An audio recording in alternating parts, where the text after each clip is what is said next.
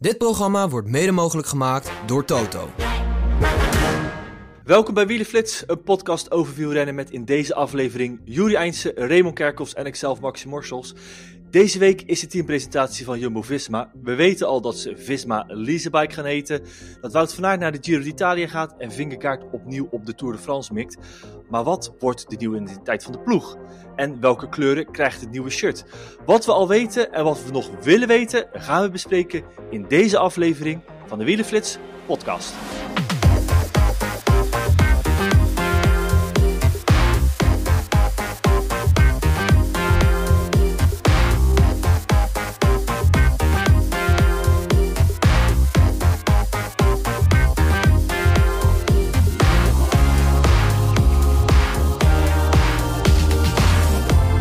Gaan in deze aflevering langzaam afpellen wat we al weten van Visma Leasebike. Te beginnen bij de selectie, Jury. Uh, want daar weten we uh, twee zaken niet.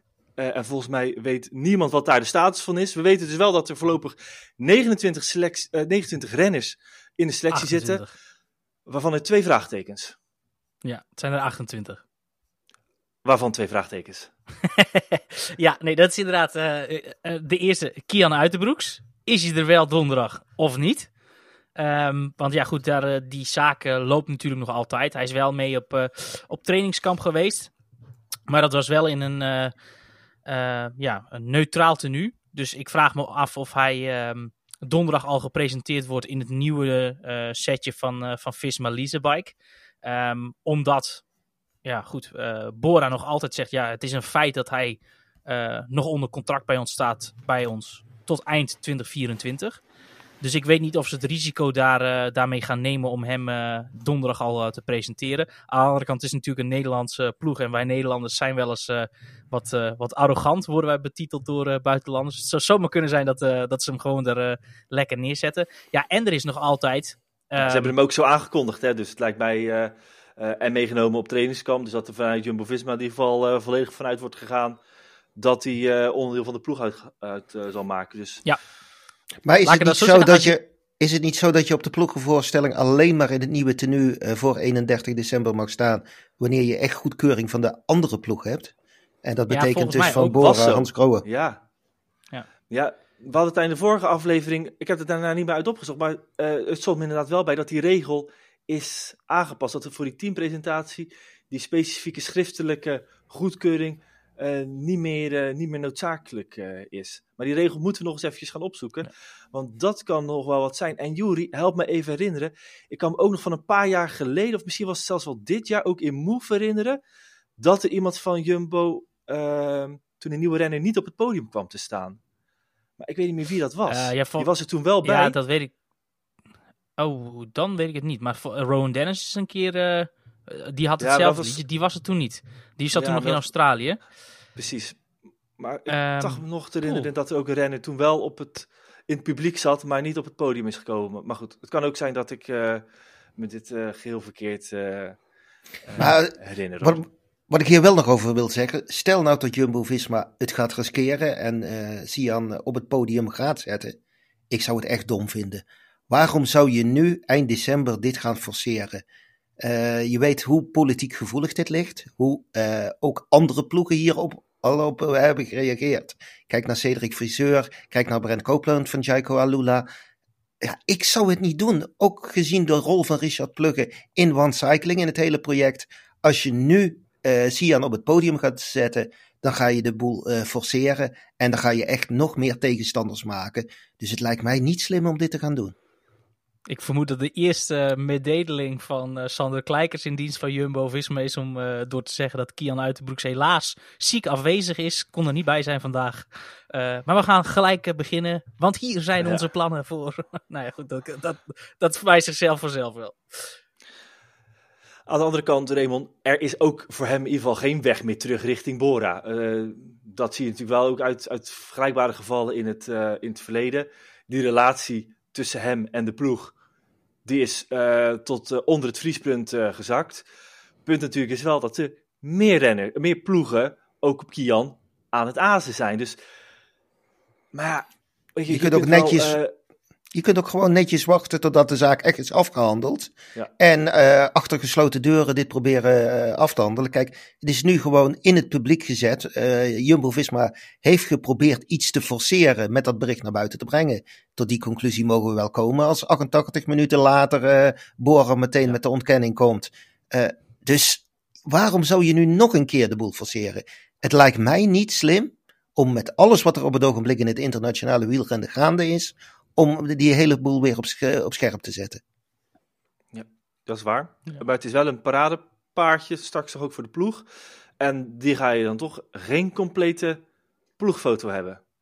Nee, ja, goed. Maar goed, ik ben het wel eens met... Uh, nee, nee ja, ik ben het wel eens uh, met Raymond. Want uh, goed, hiermee kunnen ze alleen maar uit de broek scheuren. En ja, goed, dat, dat moet je niet willen, denk ik.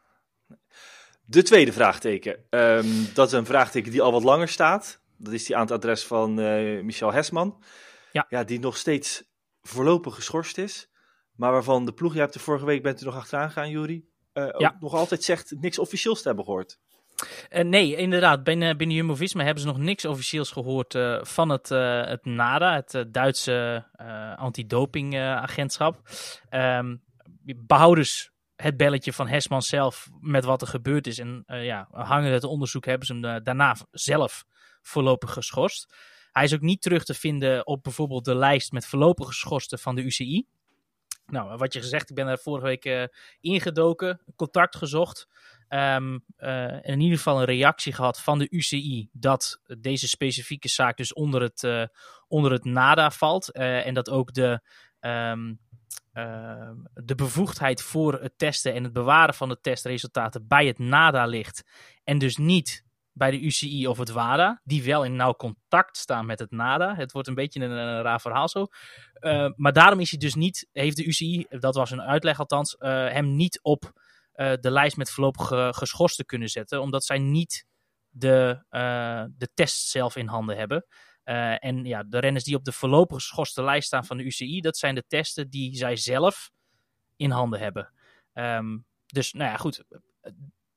Het is dus nog de vraag hoe dat uh, afloopt. Hè. Er is natuurlijk in de Badische Zeitung wel dat bericht geweest een maand geleden dat ook de B-staal uh, positief zou zijn. Dat hebben we natuurlijk zelf ook gebracht. Um, dus ja, goed. Het is afwachten hoe het staat. Ik heb dat daar neergelegd. Ik hoop uh, snel antwoord te krijgen. Dus ik hoop een beetje dat uh, ja, uh, de realiteit deze podcast inhaalt en dat het uh, bericht snel online komt. maar dat is op dit moment de status. Maar gezien zijn voorlopig geschorste status door de ploeg zelf, verwacht ik hem donderdag niet in Amsterdam. Dit is toch een vreemd verhaal als je daar weer over gaat nadenken. Want ik heb de betreffende journalist van die Duitse krant heb ik gesproken. die heeft dus echt het NADA hier naar, gevraagd en dit antwoord gekregen. En ook de bevestiging gehad dat Hesman zelf de uitspraak van NADA heeft gehoord. Wat ik heb begrepen ook is, heeft Hesman dat weer gecommuniceerd aan de ploeg. Dan vraag je je af, hoe kan het dat NADA, WADA, UCI, dat niemand hierin samenwerkt en een ploeg waarschuwt?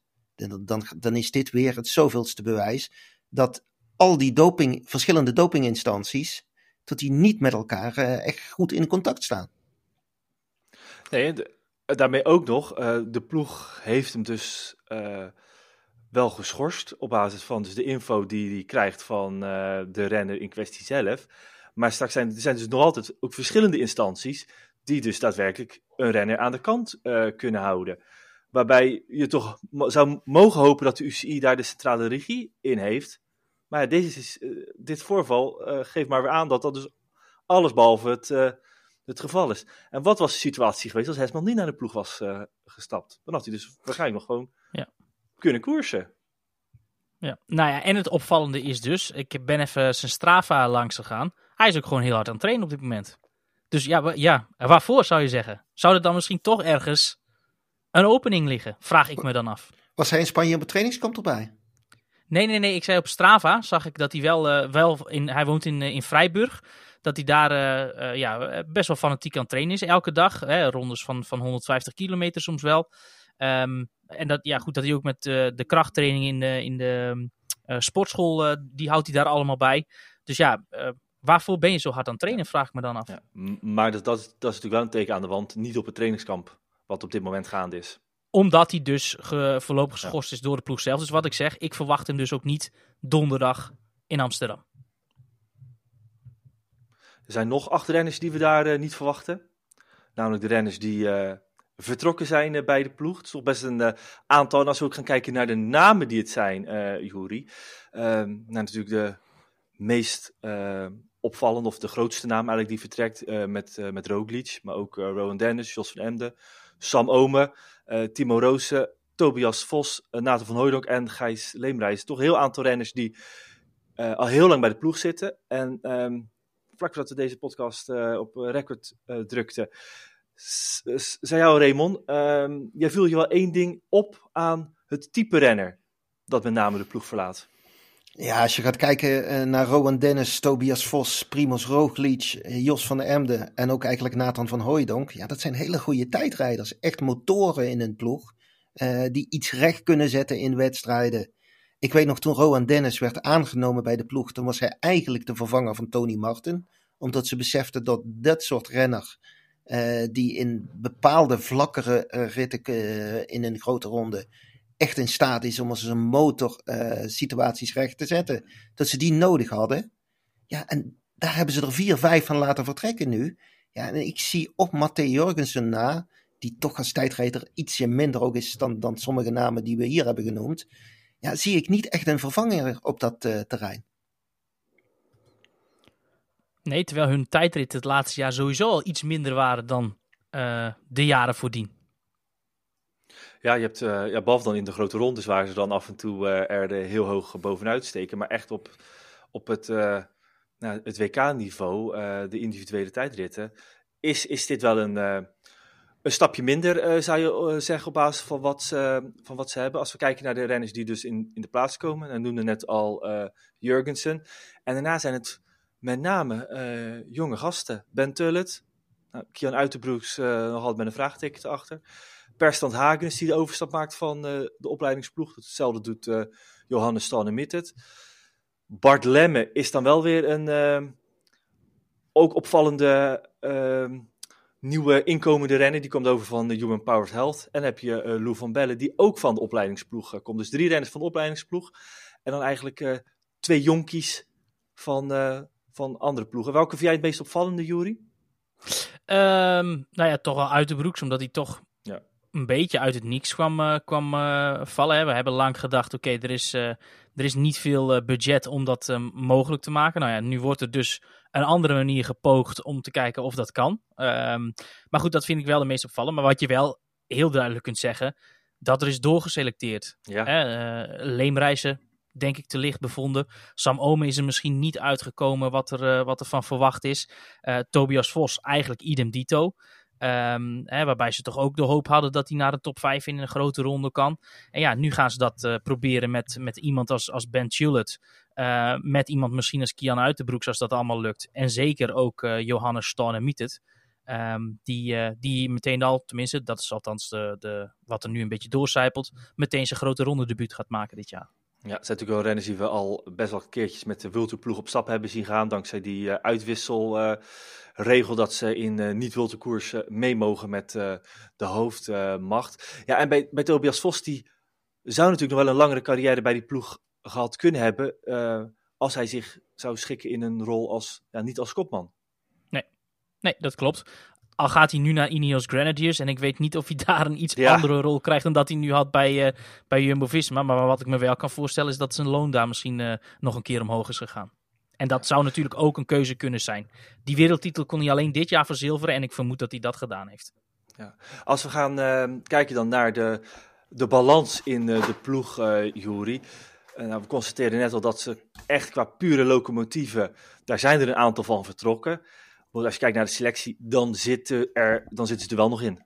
zeker als je kijkt naar een uh, Eduardo uh, Affini bijvoorbeeld. En ja, zou je daar ook al Tim en Mick van Dijken toescharen?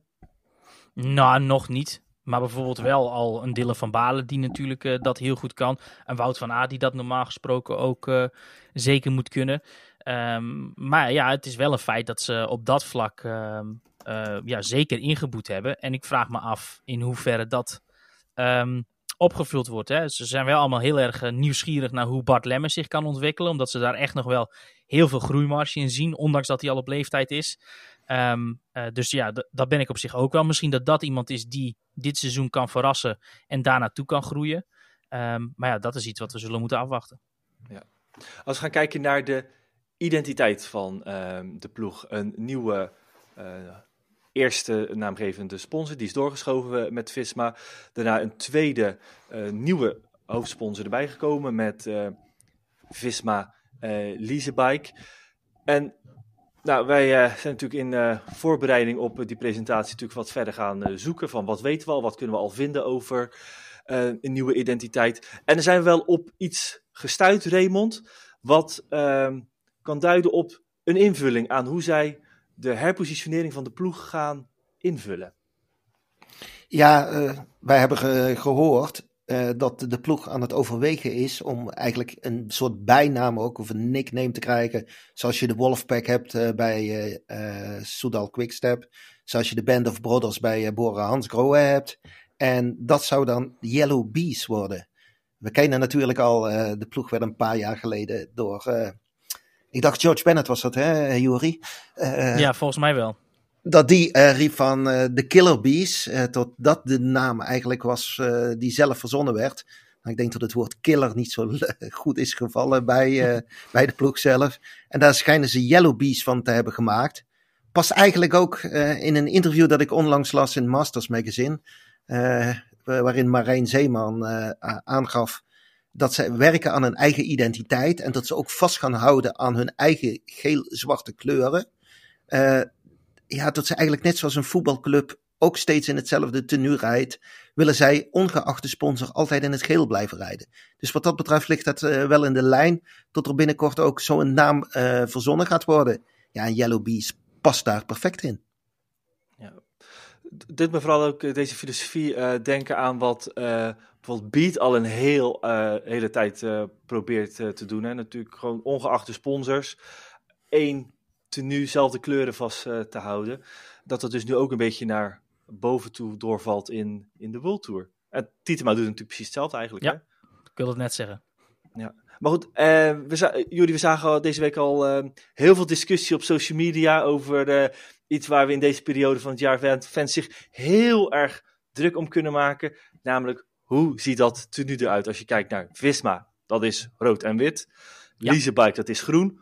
Hoe gaat zich dat mengen? Nou, het antwoord, zover wij dat nu weten, bij Jumbo-Visma is dat het antwoord niet. Want Nee, ze gaan niet als een kerstman rondrijden. Misschien uh, de komende dagen nog met rood, wit en groen. Maar uh, nee, normaal gesproken zullen ze uh, donderdag een, uh, ja, een tenue presenteren dat overwegend geel is. Met meer geel dan um, de laatste jaren het geval is. Hè, dan hebben het ook boven tenue met een, uh, met een zwarte broek daarbij.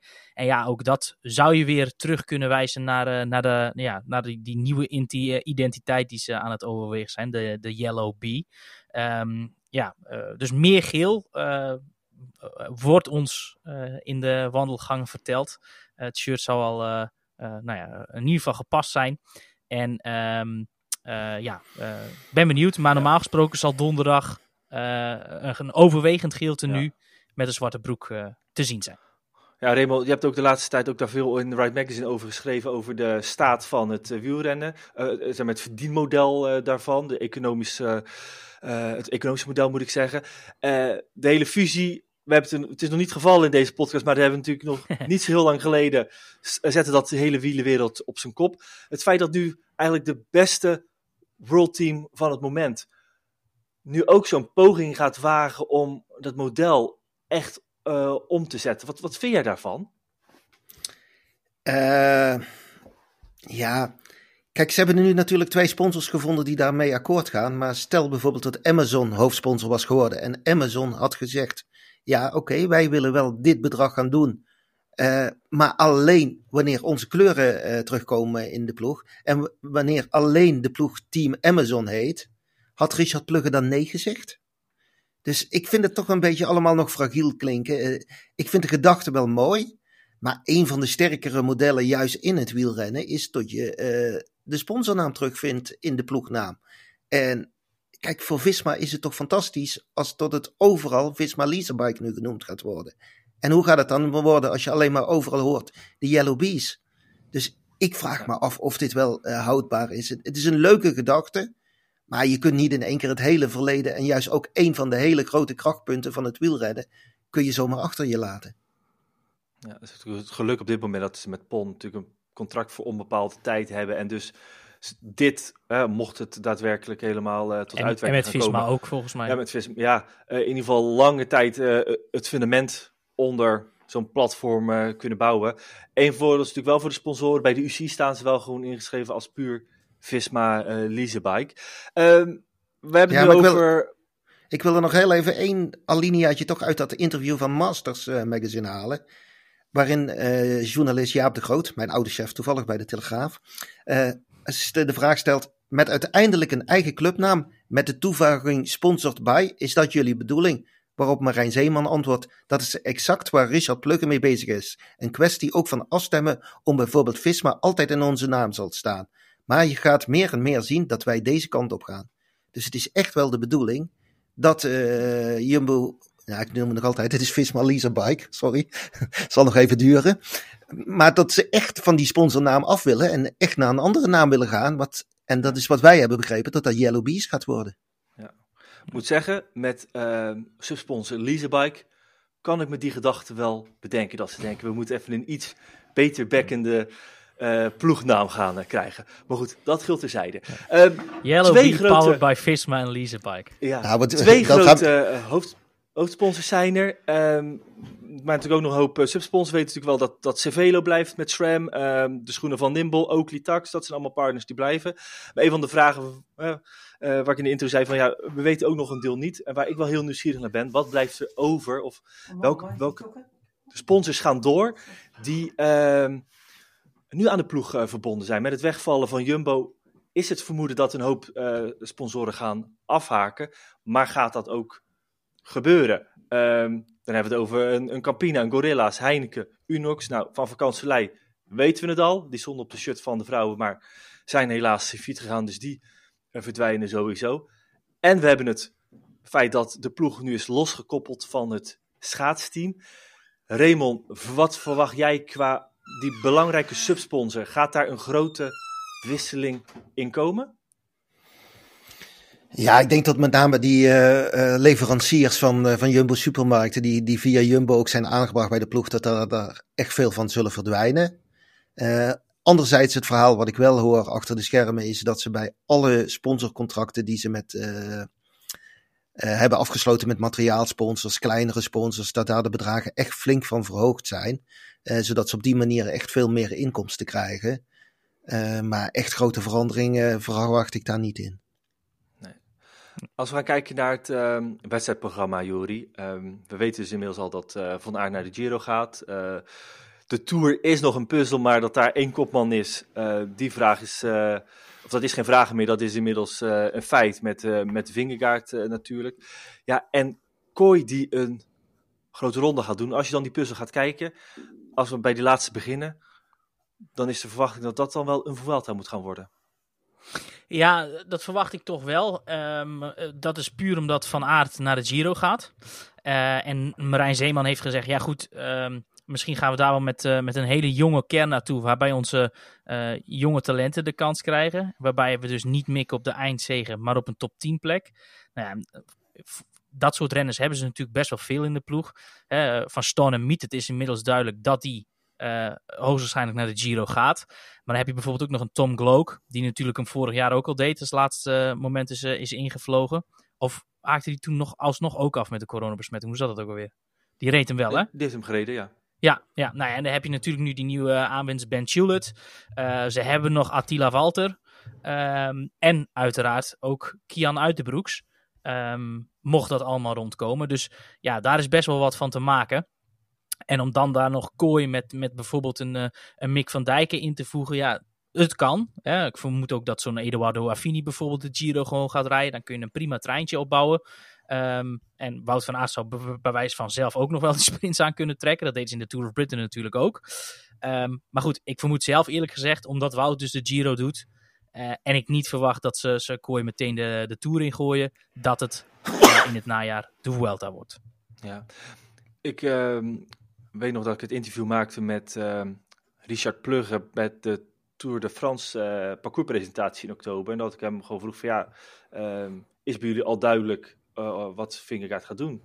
En uh, daar kreeg ik een beetje een antwoord op van joh, hoe, wat is dat voor gekke vraag? natuurlijk, de Tour is de Tour, die sla je niet over. Nou, dat antwoord was bij hun heel erg duidelijk.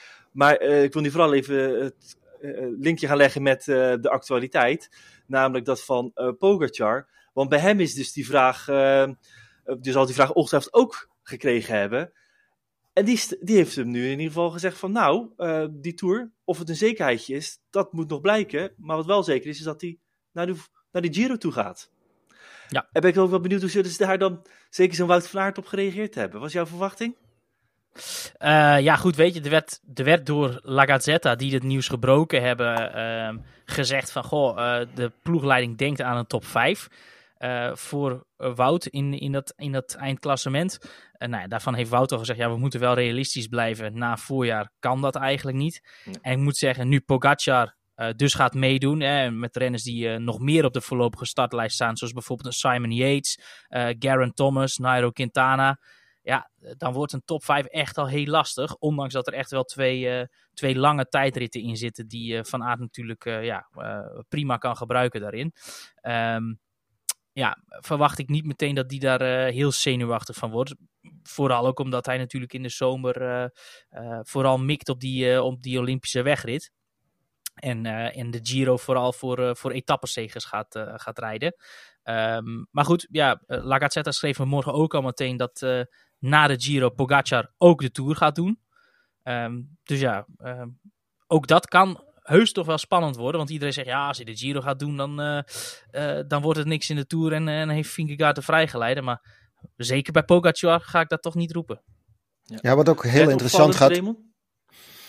Ja, absoluut. Ik had dat niet echt verwacht. Ook, ja, in mijn ogen blijft de beste voorbereiding, zeker op de wegwedstrijd voor de Olympische Spelen, om gewoon de Tour te rijden. Dat uh, is in het verleden blijkt dus dat het gros van de renners toch altijd de Tour heeft gereden.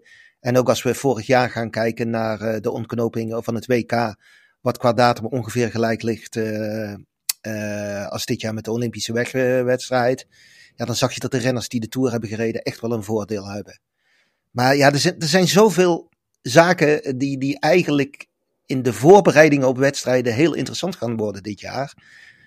Van Aert gaat toch zich richten op de Ronde van Vlaanderen en Parijs-Roubaix.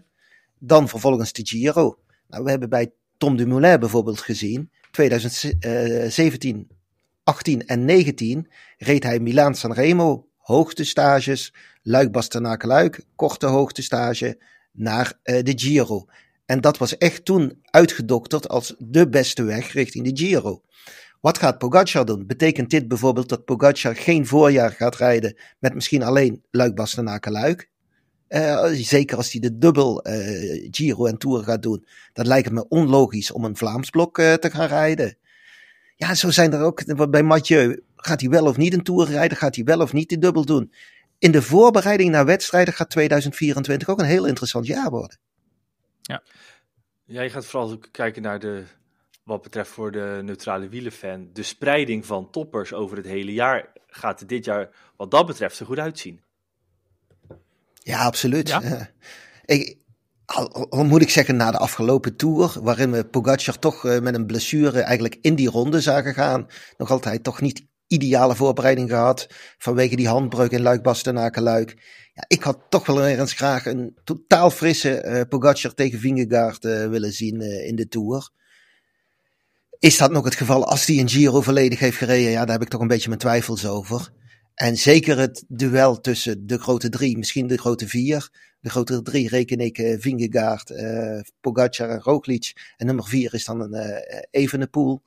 Ja, ik had ze eigenlijk vooral in de Tour helemaal fris willen zien rijden. Anderzijds, Pogacar en de Giro, Van Aert daar ook nog bij, maakt die Giro voor ons wel een stuk interessanter. Dus wat dat betreft mogen wij niet klagen. En de Tour met de grote drie en misschien ook Pogacar nog erbij ja, dat gaat toch wel prachtig worden. Het, het enige wat ik me afvraag, um, hè, er wordt, wordt wel eens beweerd her en der dat, dat uh, en Joao Almeida in hun contract hebben staan dat ze de grote ronde niet uh, rijden die Pogacar rijdt. Puur omdat ze dan niet voor hem hoeven te knechten. Um, voor hen blijft er dan wel heel weinig over dit jaar. Als Pogacar inderdaad, zoals La Gazzetta schrijft, ook nog de Tour gaat doen. Ja, dan ja, maar, wat over. Ja, maar in welke mate misschien wil Ayuso toch leren de eerste keer als hij een Giro of een eerste keer een Tour rijdt. Dan gaan we, is het juist een stuk lekkerder om niet als kopman te starten. Lijkt mij. Dus zeker voor zo'n jongen. Bij Almeida kan ik hem een beetje voorstellen. Maar bij Ayuso, het is toch heerlijk om een dienst van uh, Pogacar voor het eerst kennis te maken met de Tour. Daar zou ik niet over twijfelen als ik Ayuso was. Nee. Ben benieuwd. en het, feit dat vandaag je... mediadag, dus uh, we zullen het snel weten.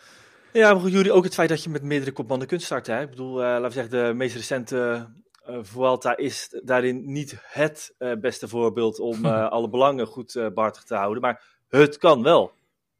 Ja, ja, ja, ja. Nee, dat klopt. Dat is, dat is zeker waar. Dus, gaan, we naar, uh, gaan we door naar afgelopen weekend uh, met de, de lang verwachte terugkeer die ietsje eerder kwam dan werd verwacht van uh, Mathieu van der Poel in het veld. En datzelfde geldt voor uh, Pitcock. En Juri, jij zei al meteen, er valt mij iets op aan Van der Poel. Ja, dat klopt. Ik vond dat hij op het oog wat magerder stond dan dat hij wel eens geweest is, ja. ja. Zeker in deze periode van het jaar. Ja, dit is natuurlijk ook de fase waarin ze een beetje, nou ja, als we van de. Ik wilde eigenlijk zeggen waarin ze de trainingen aan het oppakken zijn, maar we hebben eh, van Van de Poel weinig hoeven missen aan hoe hard hij heeft getraind in, in Spanje. En het.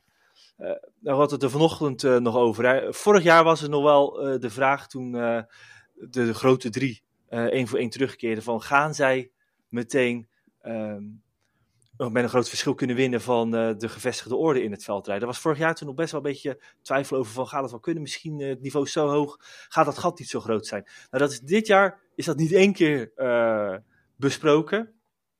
En, maar goed ook, want ja, is, ik, ik heb niet qua tijdsverschillen gekeken, maar is het gat ooit zo groot geweest bij een terugkeer? Nou, uiteindelijk was het gat maar 23 seconden met, ja. Pit, met Pitcock, omdat ja, Van der Poel volgens mij de laatste twee rondes op uh, één been heeft gereden, bewijs van. Een lekker gefreewheeled heeft. Maar nee, ja, ik vond het echt... Uh, ik ben zelden zo onder de indruk geraakt uh, in een eerste cross dan, dan deze. Hij was gretig, hij was scherp. liet niets aan de verbeelding over. Want ja, had ook de snelste start. Is ook niet altijd voor hem weggelegd. Hè. Vaak is het last van de radius eerst het veld in duikt. maar nu was dat echt met afstand van de pool. En die is daarna gewoon niet meer van de kop af geweest. Nee. En eigenlijk na een, Ja, precies. Maar na een half rondje zat Michael van Toerenhout in tweede wiel al om te kijken van... Wie wil me hier in godsnaam alsjeblieft aflossen? Want ik, ik krijg dit niet dicht. En uh, ja, goed, op die skiberg was het helemaal... Uh, ja, reed hij gewoon twee tanden zwaarder dan de rest. Ik, ik, ik heb hem zelden zo gezien eigenlijk. Ja. Wel ook een opvallende discussie. Natuurlijk een, eh, een heel indrukwekkende comeback van, uh, van de pool. En ehm, nou ja, de teneur eigenlijk na drie kwart cross was al een beetje, uh, ja, dit is uh, saai voor het uh, veldrijden als het verschil zo groot was. En dat kwam onder andere uit de mond van Sven Nijs. En daar dacht ik van, hey, dat is wel opvallend, want als er eentje is die het in het verleden precies hetzelfde deed, dan was dat Sven Nijs hemzelf. Die noemden ze niets voor niets de kannibaal. Die liet niets over voor, uh, voor de tegenstand. Uh, heeft seizoenen gehad dat hij alle crossen won behalve het WK. Dat was altijd een beetje zijn, uh, zijn Achilleshiel. maar nee, dat was, ik vond het wel een beetje een, rare uitspraak. Um, ja, ik, ik vind het een genot als iemand zo op een fiets kan rijden. Ik vind het een genot om naar te kijken. Um, ja, goed, inderdaad, de spanning is weg. Maar als ik van de pool zo tekeer zou gaan, vraag ik me überhaupt af of die spanning er komt ook als Van Aert wel meedoet. Ja, dat uh, vind ik een gevaarlijke om daar nu al. Uh, het parcours was natuurlijk ook tot, uh, best wel anders dan uh, in Essen, waar Van Aert terugkeerde. En die twee naar elkaar, dat, denk dat, het, dat zij van elkaar de enige zijn die elkaar nerveus kunnen, kunnen gaan maken. ik, ben er wel, ik ben er wel van overtuigd geraakt. Mathieu heeft eigenlijk de hele aanloop naar dit veldritseizoen in Spanje is die verbleven, in de buurt van Kalpen. Uh, ik was daar vorige week. Het was gewoon 23, 24 graden nog. Uh, blauwe lucht. De zon komt ochtends. Je merkt zelf al hoeveel meer energie je daar hebt. dan wanneer je hier uh, naar buiten kijkt. en je ziet die grijsgrauwe lucht. Het is koud. Daar heb je bijna niet echt. sta je te popelen om iets te doen. Terwijl je daar in Spanje denkt: ik wil naar buiten. Het eerste wat je doet om 7 uur ochtends. is alle deuren openzetten, ramen openzetten. Je wil buiten zijn, je wil actief zijn. Ik denk dat zo'n voorbereiding echt veel meer uh, basis geeft. En tot Van der, van Poel daar zeker deze winter ook zijn vruchten van gaat plukken. En tot dat ook zijn uh, vruchten uh, gaat afwerpen straks in het wegseizoen. Ja, nee, dus sluit me helemaal bij aan. ik ben wel nieuwsgierig wanneer de eerste vraagtekens geplaatst gaan worden van is het niet al te vroeg te goed? als we dus daar bij alle trainers en kennis die ze bij de ploeg hebben, daar ongetwijfeld uh, heel nauwlettend uh, dat vormpel in de gaten houden. Um, nou ja, collega Niels vroeg, vroeg hem nog eventjes daarna, hè? Uh, ja. ja. ik weet niet of we dat konden, kunnen laten horen, maar de, hij was wel duidelijk erin, vond ik eigenlijk. Als je zegt dat er nog marge tot verbetering is, waar, waar zit die dan juist voor jou nog? Ja, dat is heel moeilijk te zeggen altijd. Um, ik voel me wel goed en Um, ik heb een heel goede basis, maar ik denk ja, intensiteit kan, uh, kan zeker nog wel beter. Ja, en dat moet dan eigenlijk richting dat WK, of, of, hoe snel zie je dat? Ja, pas tegen het WK moet ik echt uh, zorgen dat ik er uh, eh, 200% sta, zoals ik vorig jaar heb gedaan. Ja, waar ik me eigenlijk over verwonderd heb, is waarom hebben de grote drie, Van der Poel, Van Aert, Pitcock, Pitcock dan wel, hebben ze niet namen de wereldbeker gereden? Want ik vind namen toch misschien wel na de koppenkoers of met de koppenkoers een van de grote klassiekers in het veldritseizoen. Ja, nee, absoluut. Uh, bij Van der Poel is natuurlijk uh, het geval dat, dat ja, die zou eigenlijk pas hervatten in Mol volgend weekend. En uh, nou ja, hij, was, hij zou sowieso al afgelopen woensdag terugkeren naar België. Uh, dat heeft hij dus gedaan. En toen ja, heeft hij zelf of Christopher Roodhoofd, nou, maakt niet uit, in ieder geval een van die twee heeft gezegd van ja, zouden dan toch niet Herentals doen. Hè? Het, het bureau van, uh, van Cyclismo Mondial, het uh, bedrijf van de gebroeders Roofdhoofd, uh, is gevestigd in Herentals. Dus het is eigenlijk hun thuiscross. Um, dus die vond ik op zich wel makkelijk te maken. Um, en ja, goed, waarom dan ook niet namen? Dat is een goede vraag. Daar weet ik het antwoord niet op. En Van Aert zat natuurlijk gewoon op, op trainingsstage met Jumbo op dit moment in, Denia, volgens mij zit Ja, die moesten anders de, het fotomoment uh, missen. Dat was uh, lastig vooruit de ploeg. Uh, maar wel ook een gevoelige, want Herentals vorig jaar, of was het twee jaar geleden dat hij daar nog, nog start is, natuurlijk helemaal zijn thuiscross. Ja, uh, is geboren zelfs. Precies, ja. Dus dat is de reden. Ja, waarom je dan namen, ja, zou dan, als ik het zelf invul, net een te lastige cross zijn? Ja, maar weet je, wat? Het is, het, kijk, we zijn alle, eh, de hele winter zitten wel een beetje bezig van wereldbekers. Uh, wat, wat gaat de toekomst van het veldrijden worden? Hebben we niet te veel competities? Ja, ik denk net zoals in het wegseizoen, vind ik namen een klassieker. Zoals je eigenlijk een Ronde van Vlaanderen hebt. Ja, namen wil je toch graag winnen. Dat heeft ook net iets extra's dan Boom, dan Herentals en noem maar op. En ja, dat vind ik echt doodzonde. Ja. Dat de grote je, kunt alleen maar die klassiekers verder ontwikkelen en de sport verder uh, brengen. Als juist die, die, die grote mannen aan de start staan. En hier had het in mijn ogen toch misschien wel gekund. Ja. Maar Raymond, ik denk dat hier precies het is wat hij ook zegt in het interview dat jij met, met hem gemaakt hebt in uh, Ride Magazine. Dat hij niks meer te bewijzen heeft in het uh, veldrijden. En ja, alleen het WK nog telt. En dus op die manier ja, heel selectief te werk gaan. Name staat al op zijn uh, erelijst, denk ik, een van de allermooiste crossen die ik gezien heb. Dat zal inmiddels zijn geweest vier jaar geleden. Dat duel met uh, Toon Aerts. Wat hij uiteindelijk uh, in het slot nog, nog wist te winnen. Ja, het hoeft niet meer voor hem per se. Waar, waarom je nog, nog zo moe maken misschien in een, in een cross als Namen. Terwijl het, nou ja, de omlopen waar, waar hij echt tot zijn kracht komt vanaf volgende week uh, dag na dag na dag volgen. Dat ja, dat klopt. Hij heeft duidelijk aangegeven van ja, wat heb ik eigenlijk in het veldrijden op het WK na nog te winnen. Ja, en in dat hele interview dat ik met hem had, en dat is ook een Ride Magazine in het winternummer nu staat. Ja, dan merk je gewoon dat de hele focus op het wegseizoen zit. En dat hij echt nu aan het proeven is van, ja, dit is veel belangrijker. Uh, hier is veel meer te winnen voor hem nog. Ja, en ook tot hij eigenlijk zijn loopbaan steeds verder wil uh, gaan uh, uitontwikkelen daarin. Ja. Nou, laten we vooral hopen dat hij... Nou ja, in het, in het verhaal bij jou zegt iedereen dat hij ook zelfs twijfelt of hij wel misschien wel zijn winter moet gaan overslaan. Dan laten we uit het belang van de crossliefhebbers, waar we onszelf toch ook wel toe kunnen scharen, dat hij dat niet gaat doen. Al is ook weer zo eerlijk om te zeggen, het zou, kan het ook wel helemaal begrijpen als hij het wel doet. Ja. Maar goed, en het is natuurlijk ook zo, moeten we ook niet vergeten, doe ik wel uit het hoofd, maar volgens mij heeft die namen ook al vijf keer gewonnen. en volgens mij hoor ik hem van de week nog ergens zeggen: ja, als je op een gegeven moment ook vijf keer bij een cross bent geweest, dan weet je het op een gegeven moment wel. Zou het ook wel eens kunnen zijn. Maar ik denk met Pitcock, die ik echt indrukwekkend vond, al eigenlijk in herentals, maar ook zeker in namen, dat dat ook een prachtige naam is op die erelijst die, ja, die ze daar kunnen wensen. daar hoeven we niet over te twijfelen. Daar hoeven we niet over te twijfelen. Nou ja, en ik vond ook wel, um, ik had er wel verwacht van, die gaat weer een paar crossjes nodig hebben, net als de afgelopen jaren, om er eventjes in te komen. Als die tiende was geëindigd, had ik het helemaal niet gek gevonden, maar daar was uh, geen sprake van. Maar wat we aan die prestatie... Moeten we dan nu niet de conclusie trekken dat de grote drie nog veel verder boven de rest staan dan in voorgaande jaren? Mm, ja, dat kan. Ja, denk het wel, ja. Zeker als je, ja, als je ze vooral ook weer hoorde en zag, uh, zeker in, uh, in Herentaal, dat ze echt al in, nou, vanaf de start al zagen. Nou, niet dat ze een illusie hadden, maar dat het echt gewoon onmogelijk ging zijn om die jongen, om Van de Poel nog meer dan een halve ronde te volgen. Nee, maar kijk maar. Ik moet wel zeggen, ik moet wel zeggen, in Herentaal, wat me nog wel opviel, ik, ik heb later teruggekeken, dus ik heb eigenlijk de eerste twee rondes gezien. En toen was Pitcock echt nog een beetje aan het zwemmen rond plek 15. En toen dacht ik op een gegeven moment, nou, dit geloof ik wel. En ik ga nu naar, naar live. Dat was zeg maar kwart voor vier. Toen moesten we nog twee rondjes. En ik, echt waar, ik ging naar het live. En toen, en Pitcock rijdt in één keer op podiumkoers. Dat ik dacht, wat heeft die nou gedaan in die vier rondes daarvoor? Dat was eigenlijk knap. Ja, ja ik denk, ik, ik, ik zag hetzelfde. En ik moest wel weer gelijk terugdenken aan hoe er, uh, waar het in de vorige podcast over hadden, Jury. Hoe er ook werd gereageerd op de eerste ronde van Wout van Aert. Waarin hij het lastig zou hebben. Maar daar vooral iemand zag die denkt, ja, waarom zou ik mij vanaf moment 1 al uh, binnenste buitenkeer eigenlijk tegenovergesteld als wat Van de Poel wel deed.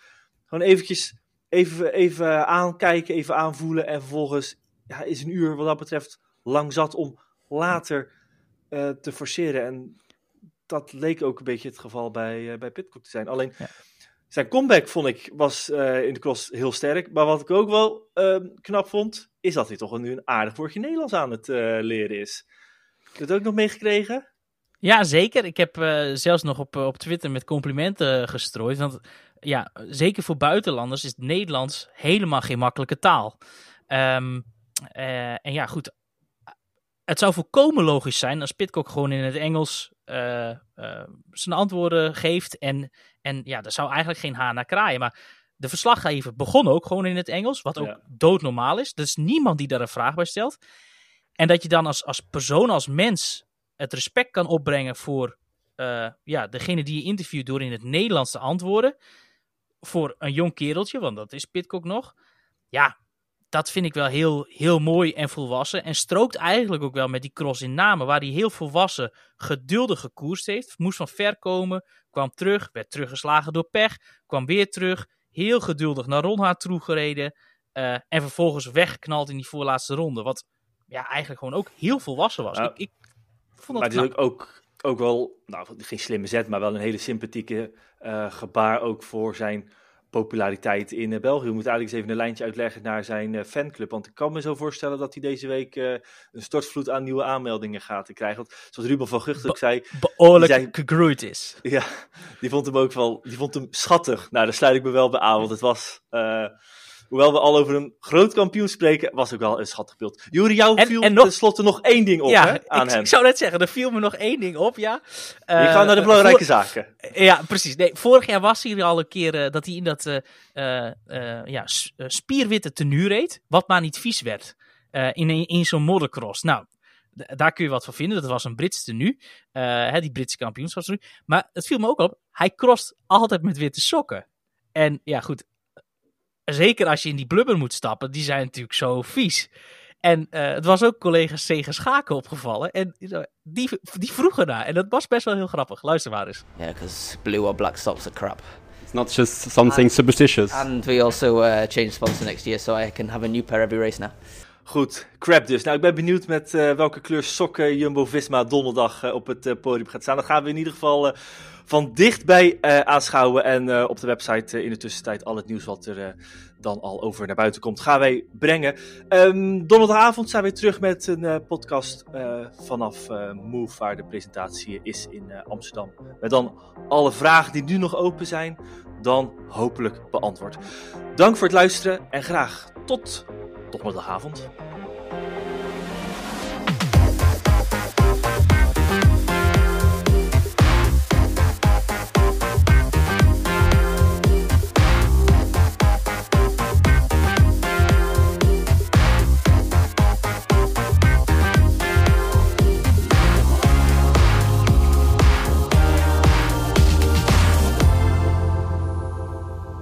Dit programma werd mede mogelijk gemaakt door Toto.